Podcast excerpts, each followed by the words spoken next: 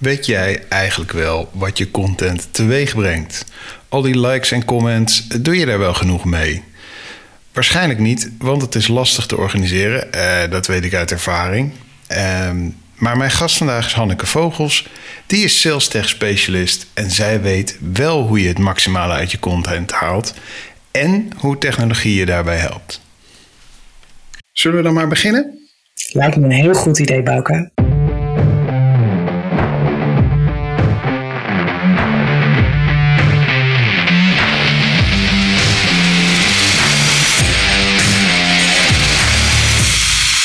Hey, uh, tof dat je weer luistert uh, naar de B2B Content Podcast die ik maak in samenwerking met Marketing Facts. En we nemen dit op op 14 februari, Valentijnsdag 2023.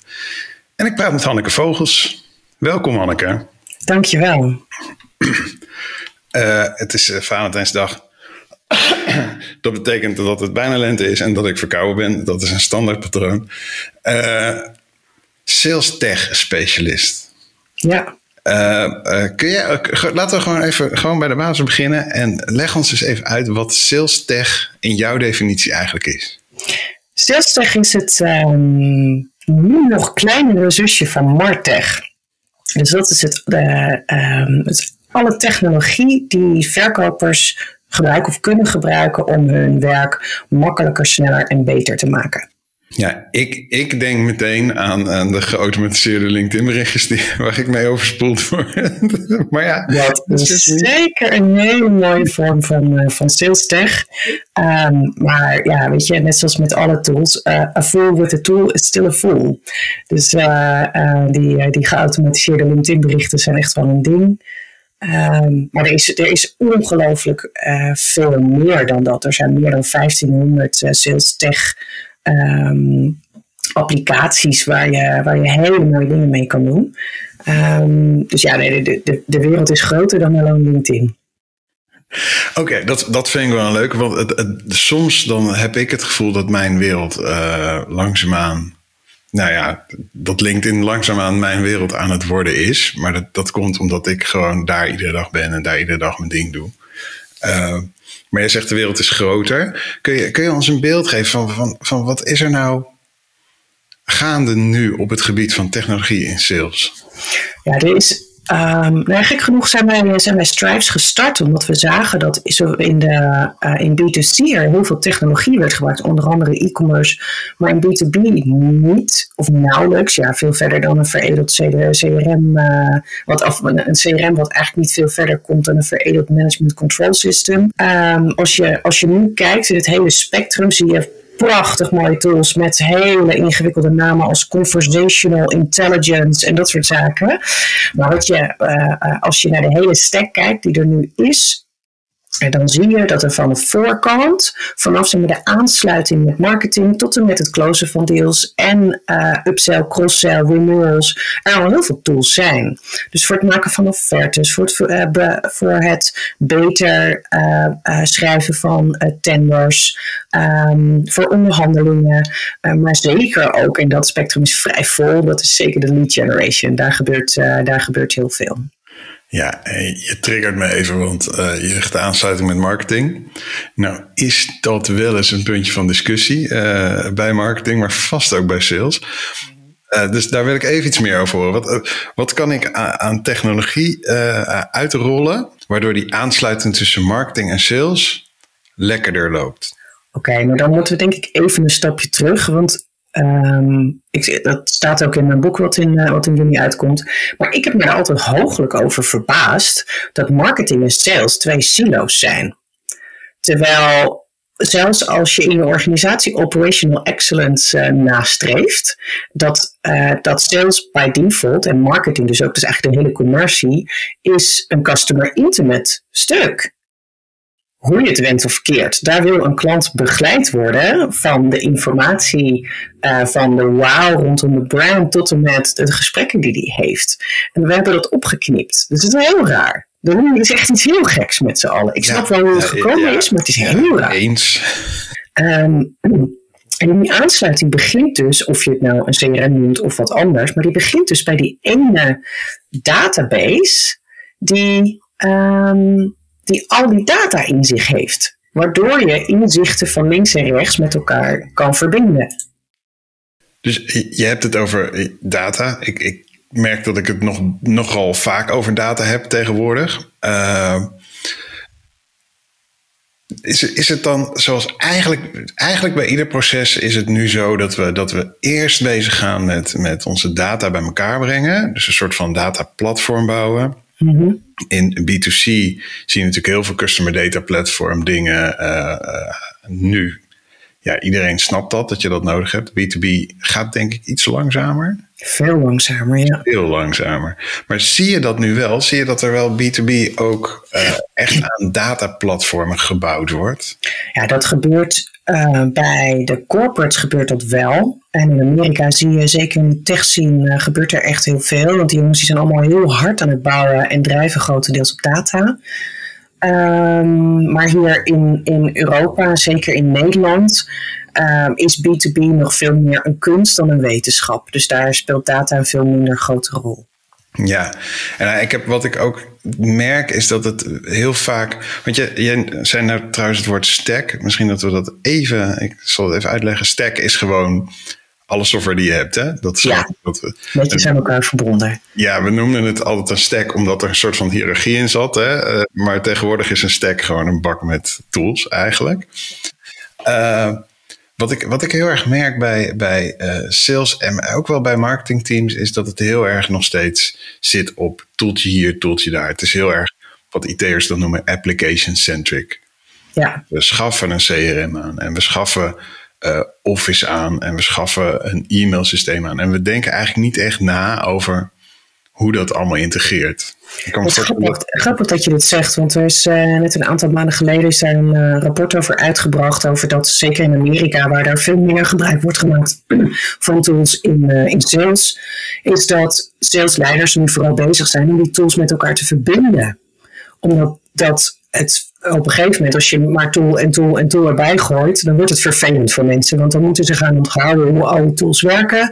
We moeten continu informatie overbrengen van de ene systeem naar de ander. Dus uh, uh, interoperabiliteit, om het zo heel erg gaaf te noemen, dat, uh, dat wordt, gaat een steeds grotere rol spelen. Dat betekent dat je die applicaties met elkaar moet integreren. En je ziet ook dat daar vaak de problemen ontstaan omdat die data niet makkelijk met elkaar in contact kunnen worden gebracht. Dus sommige systemen zijn zelfs gewoon gesloten.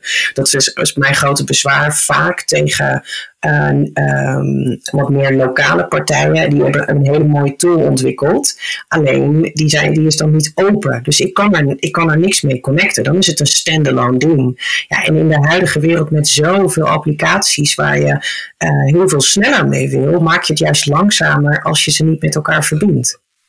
Ja, ik, ik deelde een tijdje terug een artikel volgens mij op social dat uh, vertelde dat het gemiddelde Amerikaanse bedrijf nu 155 apps draait. Ja. Dus dat is. De, ja, en, ik, ik zie mezelf dan voor me, want ik neem dit op in Zencast en ik heb hiernaast heb ik mijn aantekeningen staan en dan heb ik Slack en Word en, en, en, en mijn CRM. En, nou, toevallig heb ik mijn CRM en mijn uh, planningstool, zeg maar, heb ik zelf gemaakt. Dus dat heb ik in dezelfde tool gemaakt. Dus dat zit in elkaar. Dus, dus als ik een klant binnenhaal, zeg maar, als, als, uh, vanuit sales, dan kan ik hem meteen overzetten in de werkplanning en er een opdracht aan hangen. Dat heb ik dan geïntegreerd. Maar ik, volgens mij zit ik zelf al op 60 als ZZP'er. Ja, en je gebruikt ook veel gratis tools. En die, daarvan is het nadeel ook wel dat je, dat je vaak de integratiefunctionaliteit mist. Dat zit dan vaak pas in de wat duurder betaalde versies. Um, ja, dan, dan ga je in één keer heel veel geld uitgeven. Voor je denkt, ja, maar dat kan ik eigenlijk ook met het handje wel. Of dat doe ik net even met een ander tooltje weer, wat daar wel mee kletst. Um, ja, en zo, zo telt het heel hard door. Uh, en eigenlijk wil je, dat, wil je dat met elkaar verbinden en slim aansturen. Dus if this, then that situaties. Dat zijn eigenlijk dat zijn hele slimme kleine automatiseringen die het leven heel, heel veel makkelijker maken. Ja, zo kan je er tientallen vinden. Um, zeker binnen wat grotere bedrijven is dat echt, scheelt dat heel veel tijd. Ja, dus, want je zegt if this then that. Er is ook een tool die zo heet. Ja. Uh, en, en, we hebben er nog meer. We hebben natuurlijk uh, Zapier, uh, Microsoft Power Platform. Ja, Make. gebruik ik Make, het oude Integromat. Is, dat, is dat ook waar we naartoe gaan? Want dat, is, dat heb ik je eigenlijk nog helemaal niet. Eén stapje terug. Ik heb je één ding helemaal nog niet gevraagd. Want, want je bent sales tech specialist en je weet er overduidelijk een hoop vanaf. Maar wat doe je nou in, de, in, de, in je dagelijkse praktijk als sales tech specialist bij Strives? Ja, ik help met Strives, um, samen met mijn collega's, help ik B2B sales teams om makkelijker en sneller te verkopen. Um, want dat, dat doen die tools. Dus wij kijken naar proces, naar mens en vervolgens schuiven we de technologie onder om die mens te ontlasten. Dus je, je kan met technologie kan je eigenlijk twee dingen bereiken. Je kan uh, um, dingen automatiseren die veel tijd kosten. En waardoor je dus tijd overhoudt om je juist bezig te houden met de inhoud. En je kan kwaliteit consistent maken. Dus als je weet hoe je iets goed moet doen, dan kan je die, uh, dat goed doen kan je ondersteunen met technologie. Dus het heeft eigenlijk maar heeft twee dingen. En dat is wat we doen. Dus het is al heel erg afhankelijk van het sales team en het vraagstuk wat ze hebben. Dus waar zitten nou de, de, de, de tijdvreters? Uh, dat we gaan, wat is nou de opdracht die je hebt? Uh, de een heeft lead generation, de ander zegt ja, ik doe heel veel tenders. Hoe kan ik dat nou slimmer doen? Of ja, mijn salesmensen klagen dat ze heel druk zijn. Hoe, hoe los ik dat op? Nou, dat zijn allemaal vraagstukken. Dus eigenlijk vanuit de praktijk gaan we aan de slag om te kijken hoe kan je dit nou slimmer en makkelijker doen. Ja, en dan kom ik dus met mijn vraag. Want we noemden al die, die uh, automatiseringsplatformen. Dat zijn low-code of no-code platformen, zoals dat dan heet. Is het in jouw visie ook zo dat, dat we daar als sales, maar ook als marketing, gewoon ook echt mee aan de gang moeten? Moeten we ook uh, onze eigen, ja, ik, ik, ga het woord programmeren niet gebruiken, maar moeten we onze eigen processen gaan bouwen en onze eigen automatiseringen gaan bouwen als sales- en marketingafdelingen? Uh, dat is wel, die vraag die, die lijkt heel simpel met een ja of een nee te beantwoorden, maar dat, dat, is het, dat is het niet. Kijk, ik ben niet zo van de moeten. Kijk, als iets werkt, dan moet je er met je takken vanaf blijven. Want dat, dan, dan is het natuurlijk onzin om aan de slag te gaan. Dus dat, het, um, ik, ik denk wel dat het tijd is dat sales wat meer tech-savvy wordt. Dus dat ze wat meer genegen zijn om te kijken naar tools om dingen slimmer te maken. Om continu hun werk uh, te overwegen. hey, ik ben dit nu aan het doen, ik vind het heel stom werken. Of het is, een, het is weinig intelligent werk, het kost me heel veel tijd. Dat moet toch anders kunnen. En dat dat alleen al die vraag aan jezelf stellen zorgt ervoor dat je op zoek gaat naar een tooltje dat iets voor je kan doen. Bijvoorbeeld het overzetten van informatie naar, van systeem A naar systeem B. Um, ik denk alleen niet dat iedere sales in staat is om zo'n hele uh, omgeving voor zichzelf te creëren. Dat niet iedereen diezelfde affiniteit heeft. En dat hoeft ook niet, uh, want er zijn altijd mensen in het team die wel um, de nieuwsgierigheid hebben om uit te dokteren hoe zo'n, tool werkt, wat dan de beste tool is en hoe je dat aan elkaar knoopt. Dus ik denk dat er binnen sales dat er twee dingen gaan gebeuren. Ik denk dat met name de, um, de new business jongens, dat die vooral heel tech-savvy worden en veel meer gericht worden op het gebruik van tools. En ik denk dat er een nieuwe functie gaat ontstaan binnen sales enablement, wat uh, vanuit de salespraktijk die tools gaat aansturen. Um, waardoor de salesmensen, de, de uh, account managers en uh, de, de, jongens met de grote auto's, met appjes op hun telefoon en makkelijker dingen gaan verwerken. Ik denk een heel mooi voorbeeld is, is dat je een, tegenwoordig heb je een tool die kan alle gesprekken die je doet opnemen. En die kan daar vervolgens ook uh, alle informatie die jij wil hebben in je systeem eruit vissen. Ja, dat, is, dat scheelt zo verschrikkelijk veel tijd. Want die gespreksverslagen worden eigenlijk nooit gemaakt. En als ze worden gemaakt, zijn ze veel te smuur. Je mist daar informatie. Um, maar daar, daar, zit dus hele, een, echt hele waardevolle informatie in over concurrentie. Over um, uh, wat mensen, waar mensen nou eigenlijk mee bezig zijn. Dus voor, voor marketeers om betere content te maken. En toen echt daadwerkelijk mee te kijken in gesprekken. Wat wordt hier nou gezegd? Waar triggeren mensen nou op? Waar worstelen ze mee? Ja, dat, is, dat, is, dat, dat hele stuk, die, dat, dat teruggeven van informatie naar de, naar de marketingcollega's gebeurt bij sales nauwelijks. Of in ieder geval alleen maar op onderbuikgevoel. Ja, nee, dat is inderdaad, uh, dat is, ja, dat is van, vanaf mijn kant, zeg maar, vanaf de marketingkant is dat echt een terugkerende frustratie. Je, je levert 120 leads aan. Uh, je weet dat ze niet allemaal goed zijn, maar je wil graag feedback op welke goed is. En dat, dat krijg je al niet. Laat staan inderdaad dat je gespreksverslagen krijgt. En waarom het dan goed is en waarom het niet goed is. Waar is men dan op getriggerd? Dat wil je, dat wil je weten. Wat gebeurt er in zo'n gesprek? Wat, waar, waar, welke vragen stellen mensen? Waarom beschouwt iemand van sales als niet gekwalificeerd? Dat soort dingen ja. wil je weten, inderdaad. Ja. Dus wat ik je eigenlijk hoor zeggen is: je hebt uh, eigenlijk twee verschillende dingen. Je hebt de dingen die je nu wel doet, maar die gewoon ja, onder het kopje uh, rotklusjes, de recording loopt, dus uh, vallen.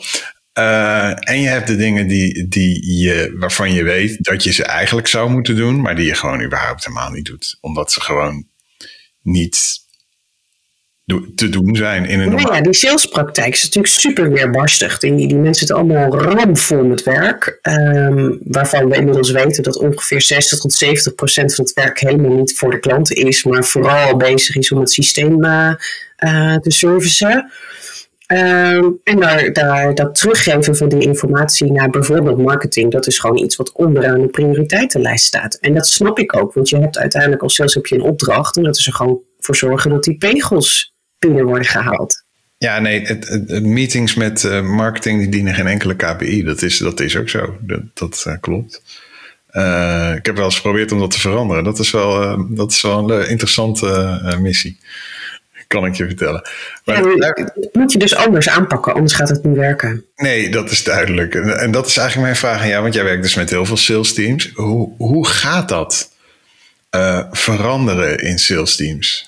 Uh, hoe, hoe pak je dat aan en wat kom je tegen? Nou ja, vooralsnog zie ik niet dat er mega veel verandert. We zijn als mensen, denk ik, uh, allemaal erg gehecht aan, uh, aan onze eigen gewoontes en rituelen. Um, ik zie wel dat heel veel commerciële leiders tegenwoordig zich realiseren dat die disconnect tussen marketing en sales wel degelijk een probleem is. Um, en dat ze vooral bezig zijn om vanuit technologie dat op te lossen en niet zozeer vanuit proces of vanuit mens. Um, wat, wat in de basis natuurlijk niet zo heel veel uitmaakt. Het is vooral een state of mind. Uh, dus ik zie wel wat beweging en ik denk dat grotere platformen zoals um, um, market, de uh, Salesforce en HubSpot daar een grote rol in spelen, omdat je daarmee van nature één grote database voor zowel marketing als sales creëert. Dat geeft al een hele keten aan informatie. Dus ik kan relateren welke touches ik als marketeer uh, heb gemaakt met zo'n klant. En andersom kan ik dus zien wat er vervolgens in sales gebeurt en hoe succesvol dat is. Um, dus ik zie daar wel wat gebeuren. Ik zie aan de andere kant uh, wel ook nog drivers die dat moeilijk, nog steeds moeilijk maken. Want um, marketingcampagnes worden over het algemeen afgerekend op korte termijn, hoe succesvol ze zijn geweest. Um, maar de sales cycles die erachter aanlopen, die zijn vaak negen maanden tot een jaar. Dus in B2B heb je hele lange sales cycles, zeker voor de iets complexere diensten.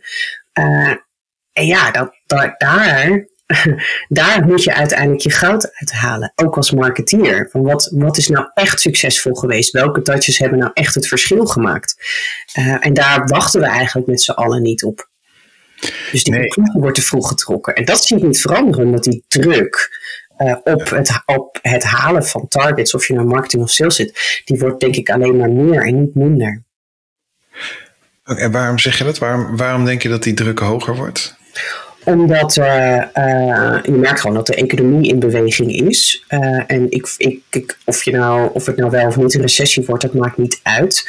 Um, voor, de, de, um, voor de beweging die je nu ziet. Dus de kosten stijgen, daarmee stijgen prijzen. Dat betekent andersom dat, dat bedrijven ook grotendeels de hand op de knip gaan houden voor bepaalde uitgaven. Dat betekent dat het heel erg afhankelijk is van welke dienst of welk product je levert, waar je in dat spectrum zit, of het moeilijker wordt of dat het nog steeds gaat. Um, en als dat zo is met, met een recessie, en of het nou een echte recessie of een hele andere, dat maakt dan voor mij niet uit, zie je dus dat die, dat die, dat die blik van mensen die wordt korter. Dus iets moet sneller wat opleveren. Return on investment, die wordt gewoon gehalveerd. Ja, en, en dan de meeste mensen die hier naar luisteren zijn uh, marketeers. Ja. Uh, dus uh, we komen erachter dat sales aan de andere kant van de kantoormuur ook zo zijn uitdaging heeft. Dat, waarvoor dank. Meestal praten we namelijk helemaal niet meer met die mensen. Het zijn best lastige mensen hoor. ja, marketeers ook hoor. We willen gewoon iets creatiefs doen. Ja, dat was wel de marketeer misschien van 30 jaar geleden, maar die zie ik niet zoveel meer terugkomen. Nee, nou, ze zijn er nog wel, maar ze, ze, nee, dat is. Maar mijn vraag is: wat kunnen wij als marketeers nou doen om, om wat je zegt, er is een mismatch. Die, die, eigenlijk zijn die campagnes van ons, die zijn gewoon te kort en te kortstondig. Uh, het passen niet bij de B2B sales cycle. Wat kunnen wij als marketeers nou doen om dat beter te maken? Om, om gewoon beter aan te sluiten bij wat sales nodig heeft en wat ze van ons willen? Nou, ik denk dat er één beweging is die helpt. Is dat je minder gefocust bent op campagnes, maar meer op de uh, buyers journeys die er zijn en de content die daarbij hoort. Dus ik zie nog steeds heel veel content geproduceerd worden waarvan niet duidelijk is voor welke fase in de buyers journey dat is. Um, en je kan dus, dus complete pillars maken op je website uh, en alle blogs die je maakt, die een hele goede indicatie geven, zeker als je ze ook zo labelt en dat meegeeft aan sales, uh, waardoor, iemand, waardoor een sales kan zien in welke fase zo'n contactpersoon zit, zo'n lead zit. Want als ik naar pricing informatie kijk, kijk ik heel anders naar de wereld dan wanneer ik nog aan het lezen ben, ben over de wat is. Dus wat is mijn probleem en welke oplossingsrichtingen zijn er? Dat is een hele andere fase waar ik op dat moment in verkeer. Dus die reis die iemand maakt door een website of met het, met het opnemen van content, zegt iets over waar iemand staat.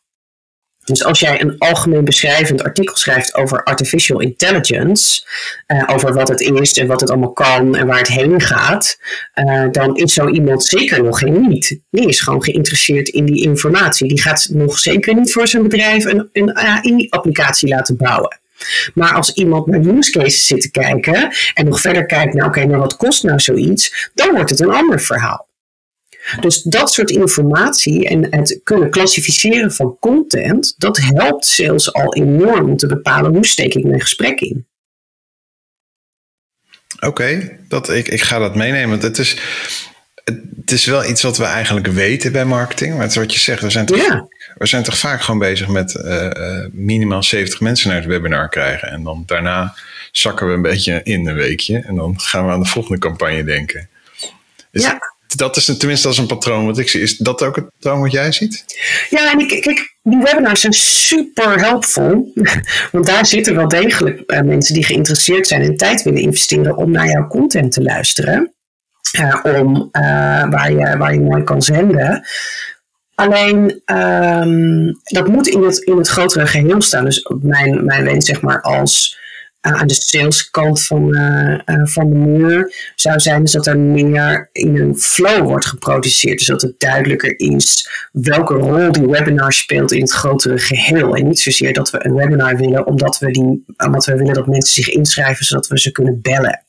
Maar welke waarde gaan we ze geven en welke stap in hun eigen journey gaan we ze laten maken, zodat we vervolgens waardevolle contacten hebben die op het punt staan om uh, hun problemen op te gaan lossen. Want kijk, uiteindelijk zijn we met z'n allen bezig om, die, om mensen zich te laten realiseren dat ze een probleem hebben.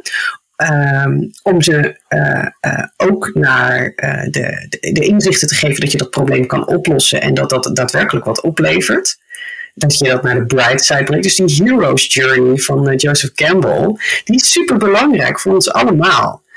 Um, dus dus dat, dat stuk erin brengen, met z'n allen en daar in die webinar ook daar in dienst van, van zetten, dat helpt. Dat helpt echt. Oké, check. Uh, nog één vraag, want je, je, je had het even over Salesforce en HubSpot. Ja. Uh, als, als systemen die zeg maar de basis leggen voor een betere flow van marketing naar sales en, en, een betere. Uh, zeker Salesforce is natuurlijk ook een soort van data lake-achtige toepassing. Mm -hmm. Uh, nou zie ik, ik, ik werk alleen maar met IT-bedrijven. En ja. ik, zie juist in de IT weer een beetje een beweging weg van we hebben één systeem en daar gebeurt 90% van wat we doen in. Naar uh, een soort van uh, best of breed oplossingen. En dat koppelen we dan zelf aan elkaar. Ja. Maar wat jij dus eigenlijk zegt, is, is uh, in sales en marketing is het nu goed om te zeggen: van, nou, we kopen gewoon één systeem waarvan we weten dat het werkt.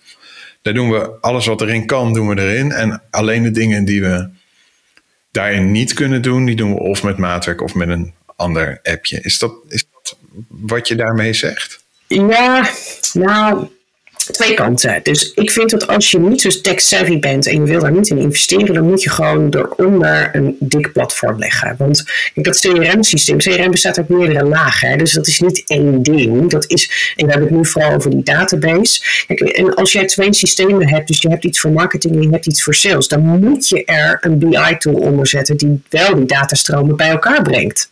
En vervolgens weer de inzichten weer terugbrengt naar de, naar sales toe. Want anders, anders loop je nog steeds mis. En ook trouwens naar marketing. De. En ik denk dat de meeste bedrijven daar niet zo ver in gaan. Dus zelfs die tech-savvy bedrijven zijn natuurlijk ontzettend goed in staat om toeltjes aan elkaar te knopen. Want dat is ook niet het allerlastigste in de wereld. Alleen vergeten ze dat die datastroom daaronder uh, super belangrijk is. En die, die knopen ze eigenlijk niet. Dus dan gaan ze niet, ze gaan vaak vanuit een kostenperspectief kiezen ze voor kleinere tools. Niet zozeer vanuit uh, het feit ik wil de best of breed hebben. Want uh, ze gebruiken over het algemeen toch maar 30, 40 procent van zo'n tool. Dus ik zeg dan, ja, maak het jezelf niet zo moeilijk. Zet er gewoon iets diks onder wat heel veel kan. En ga alleen aanvullen op de plekken waar dat uh, zinvol is en waar je tegen de beperkingen van de tool aanloopt. Tenzij je zegt, nee, ik wil dat geld niet naar, uh, naar Silicon Valley dragen. Uh, dat mag. Maar ga je, realiseer je dan gewoon heel erg goed dat je echt aan de bak moet. En dat je daar tijd en energie in moet steken. Omdat het, um, dat, dat blijft aandacht vragen. Ja, ja dat, dat merk ik inmiddels zelf ook. Uh, Oké, je boek. We hadden het al even over. Uh, ja, jouw boek komt uit in juni. Ja, het is altijd een beetje moeilijk met data noemen in een podcast, want ik ben echt, mijn planning is een chaos en ik heb geen idee wanneer dit online komt.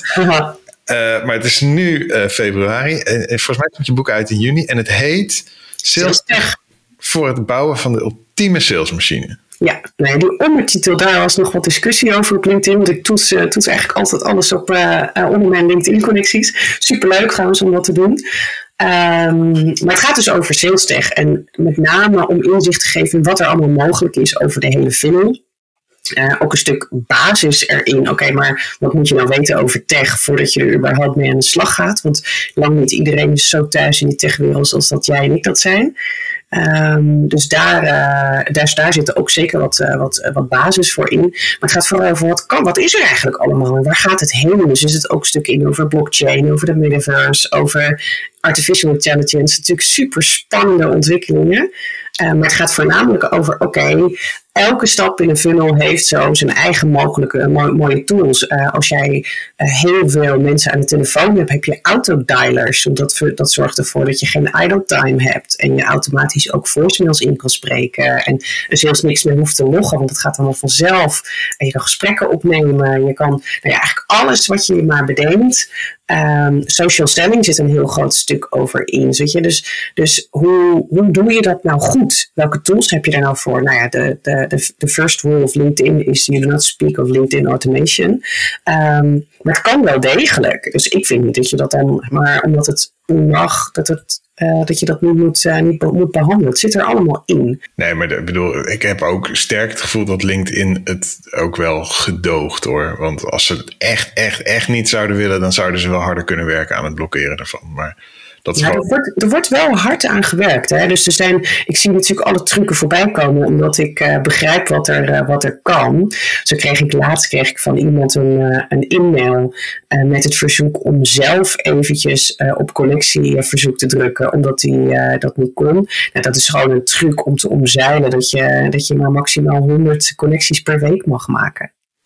Ja, ja ik had die waarschuwing laatst ook. Ik zat langs de lijn bij een sportwedstrijd en uh, ik heb toen inderdaad uh, 100 connectieverzoeken verstuurd.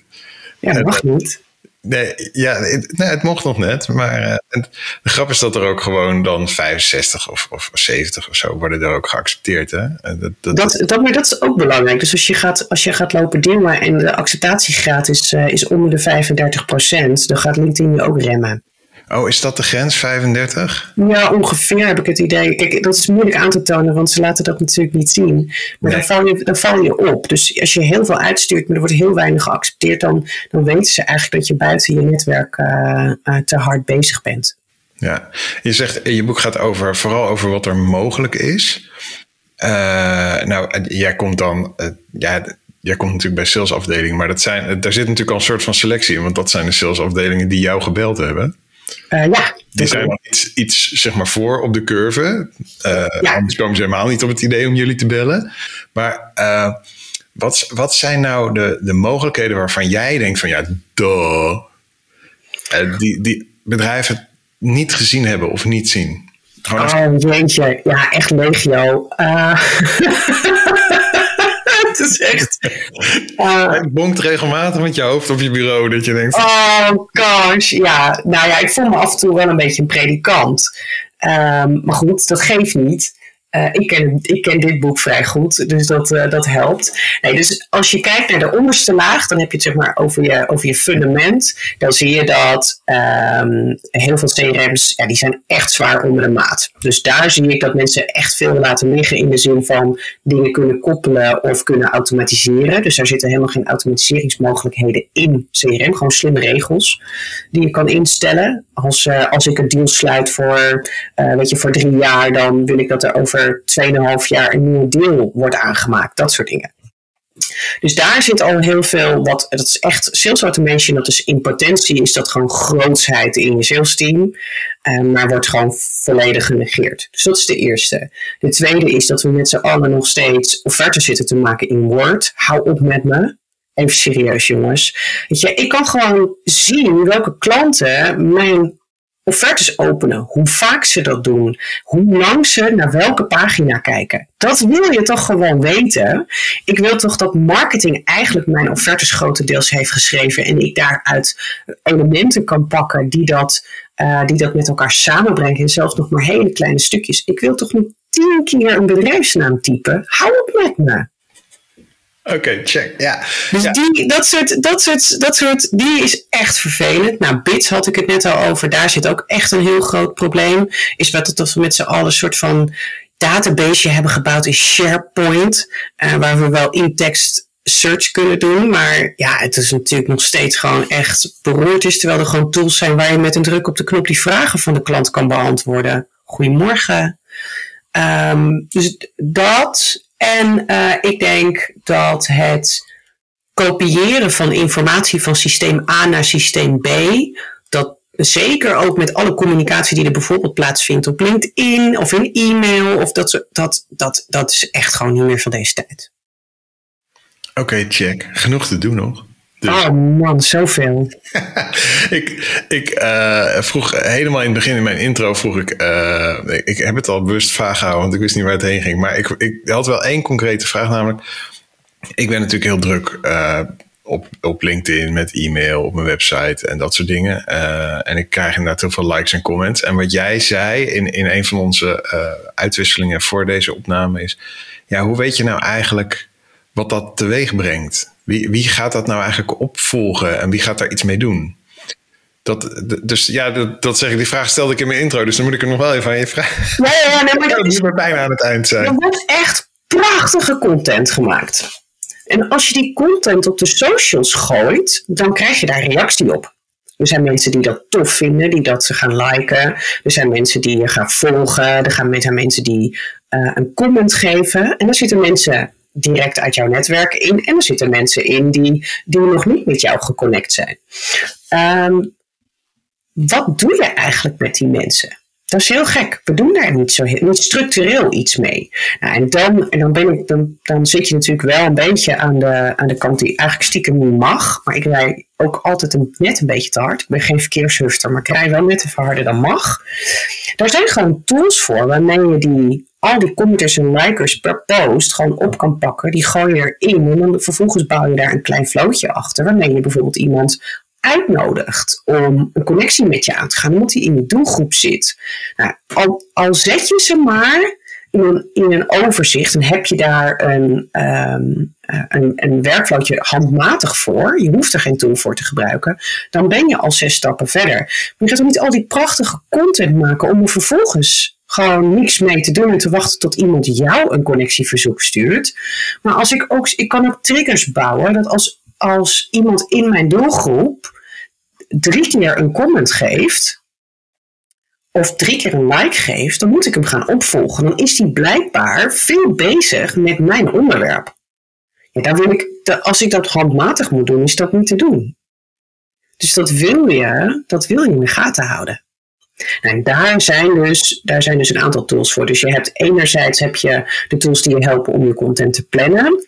Vervolgens heb je de uh, niet zo helemaal legale tools die, waar je campagnes mee kan draaien. En dan zeg ik altijd, ik ben wel van, ik ben wel van hé hey jongens, laten we het wel netjes houden. Uh, dat moet je natuurlijk niet en masse doen. Dat moet je in mini-campagnes heel niche met hele relevante opmerkingen en no pitch policy. Gewoon niet pitchen in je LinkedIn. Dus niet in je DM en niet, eigenlijk ook niet echt in je post. Dat mag gewoon wat zachter allemaal. Maar zeker niet in de DM zeggen: Hallo, ik heb iets te koop. Joe. Ja, dat, uh, ik lach me altijd helemaal rot, want die mensen krijgen van mij altijd: uh, plan even een afspraakje met me in, want volgens mij is hier nog werk aan de winkel. En jij genereert daar leads uit. uit ik genereer daar leads uit. Ja, serieus. dat vind ik. Ik moest laatst een social selling training geven en op mijn eerste slide uh, stond inderdaad social selling een grote streep erdoor. Ik zeg, we gaan het publishing noemen dit. Ja, ja maar het is dus het is de combinatie tussen content en connecties. En die twee moet je met elkaar, die, kan, die verbind je met elkaar door rete goede content te maken. En vervolgens al die mensen die dat leuk vinden, te checken, hey, is het mijn doelgroep? En daar eh, een gesprek mee aan te knopen. Want dat is sociaal. Ja, en wat mij dan dus opvalt, is dat er eigenlijk ook niemand is die daar geen zin in heeft. Nee, want ze vinden je onderwerp leuk. Sterker nog, ja. ik haal er gewoon business uit. Ja. Heel veel zelfs. Ik spreek wel... Waarom wil je het hebben? Ja, ik spreek wel eens marketeers die zeggen dan: Ja, maar ons product is zo boring. Nee, ja, je verhaal is gewoon al gewoon slecht. Nee, maar dat snap ik dus niks van. Want er zijn echt duizenden mensen op LinkedIn die het echt over uh, uh, uh, naar de cloud migreren van patiëntendossiers willen hebben. Die mensen zijn er gewoon. Ja. en voor hun is dat echt niet boring. Die willen er dus echt wel over praten. Als je maar gewoon wat zinnig zegt en ze niet, weet ik veel, ik vind het ook een spannende materie, maar dat komt misschien in mijn eigen beroepsdeformatie, dat ik uit de infrastructuur kom. Dus- ja, wij zijn een stelletje nerds. Wij zijn een stelletje nerds. Ik, ik hoop dat er iemand nog iets van kan volgen van deze podcast. Dat zal wel meevallen. Twee echt nerds in een hoor. Ja, het zijn wel twee nerds, dat klopt. Nou ja, goed, heerlijk. Het was hem weer. Heerlijk. Wat leuk. Wat een fijn gesprek, eh, Bouke. Dankjewel. Dit was dus weer de B2B uh, eh, Content Podcast. En als je het meteen wil weten als er een nieuwe is, dan abonneer je natuurlijk via boukevlierhuis.nl. Uh, eh, je volgt me op LinkedIn. Alles wat je wil weten over Hanneke komt hieronder in de show notes te staan. Uh, dus ik bedank je hartelijk, Hanneke, dat je er was. En ik vond het super interessant. Heel graag gedaan. Als je geluisterd hebt, dan hoor ik je graag weer bij de volgende. Dankjewel. Yes, bye bye.